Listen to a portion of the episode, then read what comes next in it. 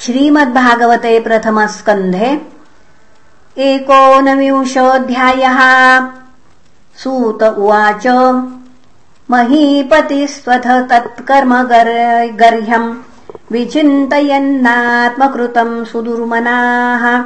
अहो मया नीचमनार्यवत्कृतम् निरागसि ब्रह्मणि गूढतेजसि ध्रुवम् ततो मे कृतदेवहेलना दुरत्ययम् व्यसनम् नातिदीर्घात्। तदस्तु कामम् त्वघनिष्कृताय मे यथा न कुर्याम् पुनरेव मद्धा। अद्यैव राज्यम् बलमृद्धकोशम् प्रकोपित ब्रह्मकुलानलो मे। दह त्वभद्रस्य पुनर्न मे भूत्पापीयसि धीर्द्विजदेव गोभ्यः स चिन्तयन्निथमथा शृणोद्यथा। मुने सुतोक्तो निरुतिस्तक्षकाख्यः। न साधुमेनेन चिरेण तक्षकानलम् प्रसक्तस्य विरक्तिकारणम् अथो विहाये मम मुञ्च लोकम् विमर्शितौ हेयतया पुरस्तात् कृष्णाङ्घ्रिसेवामधिमन्यमान उपाविशत् प्रायममर्त्यनद्याम्। या वै लसत् श्रीतुलसी विमिश्र कृष्णाङ्घ्रिरेण्वभ्यधिकाम्बुनेत्री। पुनातिलोकानुभयत्र शेषान् कस्ताम् न सेवेतमरिष्यमाणः इति व्यवच्छिद्यः स पाण्डवेयः प्रायोपवेशम् प्रति विष्णुपद्याम्। दध्यौ मुकुन्दाङ्घ्रिमनन्यभावो मुनिव्रतो मुक्तसमस्तसङ्गः। तत्रोपजग्मुर्भुवनम् पुनाना महानुभावा मुनयः स्वशिष्याः प्रायेण तीर्थाभिगमापदेशैः स्वयम् हि तीर्थानि पुनन्ति सन्तः। अत्रिर्वसिष्ठश्च वनः शरद्वान्नरिष्टनेमी भृगुरङ्गिराश्च।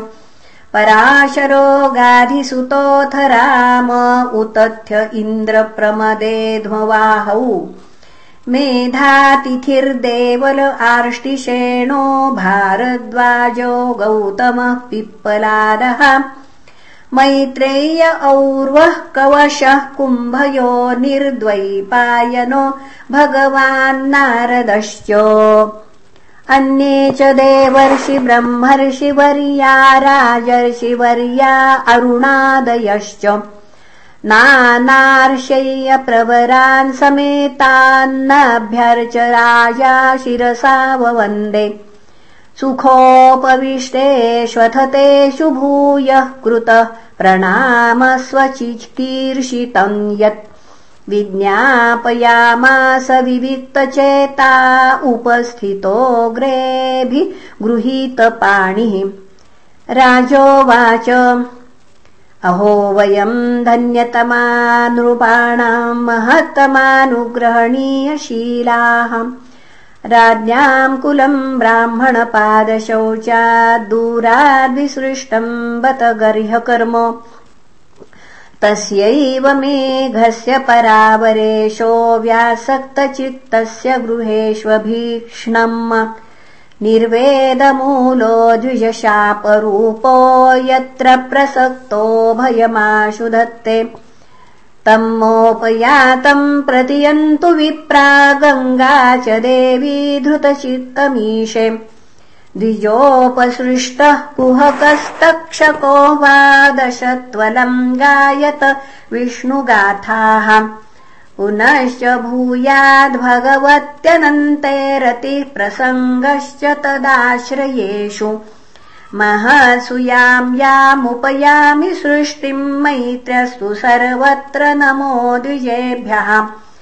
इति स्म राजाद्वयवसाययुक्तः प्राचीनमूलेषु कुशेषु धीरः उद्वङ्मुखो दक्षिणकूल आस्ते समुद्रपत्न्या स्वसुतन्यस्तभारः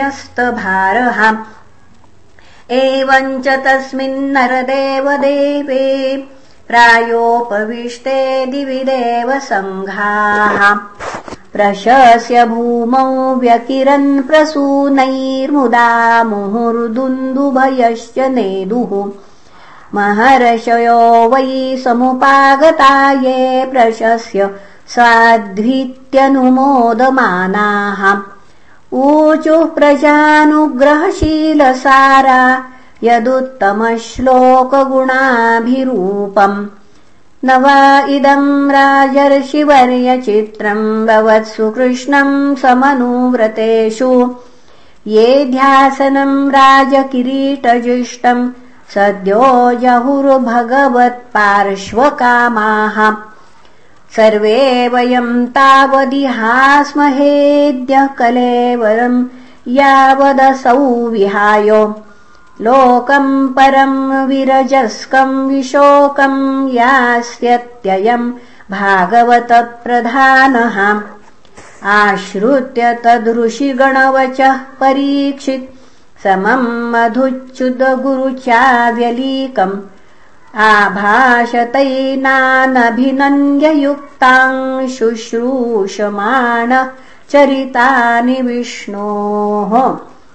समागता सर्वत्र सर्व पुनः सर्वत एव सर्वे वेदा यथा मूर्तिधरा स्त्रिपृष्ठे नेहाथवामुत्र च कश्चनार्थ ऋते परानुग्रहमात्मशीलम्।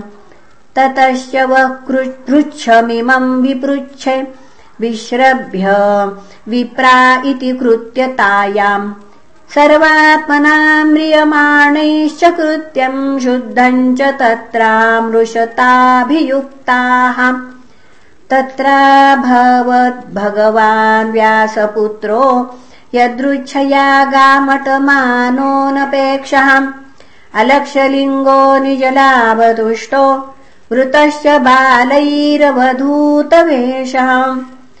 तम् द्वष्टवर्षम् सुकुमारपादकरोरुबाह्वंस कपोलगात्रम् चार्वायताक्षोन्न स तुल्यकर्ण कम्बुजुसुजातकण्ठम् निगूढजतृम् पृथतुङ्गवक्षसमावर्तनाभिम् वलिवलगुदरम् च निगम्बरम् वक्त्रवितीर्णकेशम् प्रलम्बबाहुम् स्वमरोत्तमाभम् श्यामम् सदापि च वयोऽङ्गलक्ष्म्या श्रीणाम् मनोज्ञम् रुचिरस्मितेन प्रत्युत्थितास्ते मुनयः स्वासनेभ्यस्तद्लक्षणज्ञा अपि गूढवर्चसम्। स विष्णुरातोऽतिथयः आगताय तस्मै सपर्याम् शिरसा जहार ततो निवृत्ताय बुधा श्रियोर्भका महासने शोकविवेशपूजितः। स संवृतस्तत्र महान् महीयसाम्। ब्रह्मर्षि राजर्षि देवर्षि सङ्घैः व्यरोचतालम् भगवान् यथेन्दुर्ग्रहर्क्षतारा निकरैः परीतः प्रशान्तमासीनमकुण्ठमेधसम्। मुनिम् नृपो भागवतोऽभ्युपेत्य। प्रणम्य मूर्ध्ना वहितः कृताञ्जलिर्नत्वा गिरा। सूनृतयान्वपृच्छत्। परीक्षिदुवाच अहो अद्य वयम् ब्रह्मन्। सत्सेव्या क्षत्रबन्धवः कृपया तिथिरूपेण भवद्भिस्तीर्थकाः कृताः। येषाम् संस्मरणात् पुंसाम् सद्यः शुध्यन्ति वै गृहाः। किम् पुनर्दर्शनस्पर्श? पादशौचासनादिभिः सान्निध्यास्ते महायोगिन् पातकानि महान्त्यपि सद्यो नश्यन्ति वै पुंसाम्। विष्णोरिवसुरेतराः। अपि मे भगवान् प्रीतः कृष्णः पाण्डुसुतप्रियः। पैतृष्वसेयप्रीत्यर्थम् तद्गोत्रस्यात्तबान्धवः।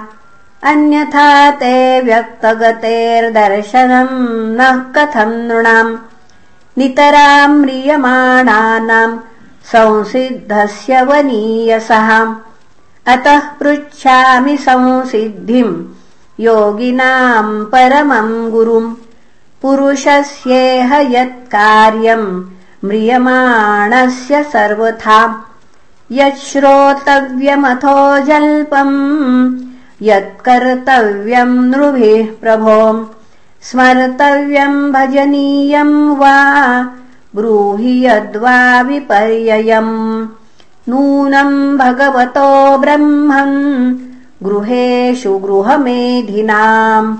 न लक्ष्यते ह्यवस्थानमपि गोदोहनम् क्वचित्। सुत उवाच एवमाभाषितः पृष्ठ स राज्ञाश्लक्षणया गिरा प्रत्यभाषत धर्मज्ञो भगवान् बादरायणिः। इति श्रीमद्भागवते महापुराणे वैयासिक्याम् अष्टादशसाहस्रायाम् पारमहंस्याम् संहितायाम् प्रथमस्कन्धे शुकागमनम् नामैकोनविंशोऽध्यायः इति प्रथमस्कन्धः समाप्तः। हरिः ओम् तत्सत् श्रीकृष्णार्पणमस्तु। हरये नमः हरये नमः हरये नमः। ॐ तत्सत्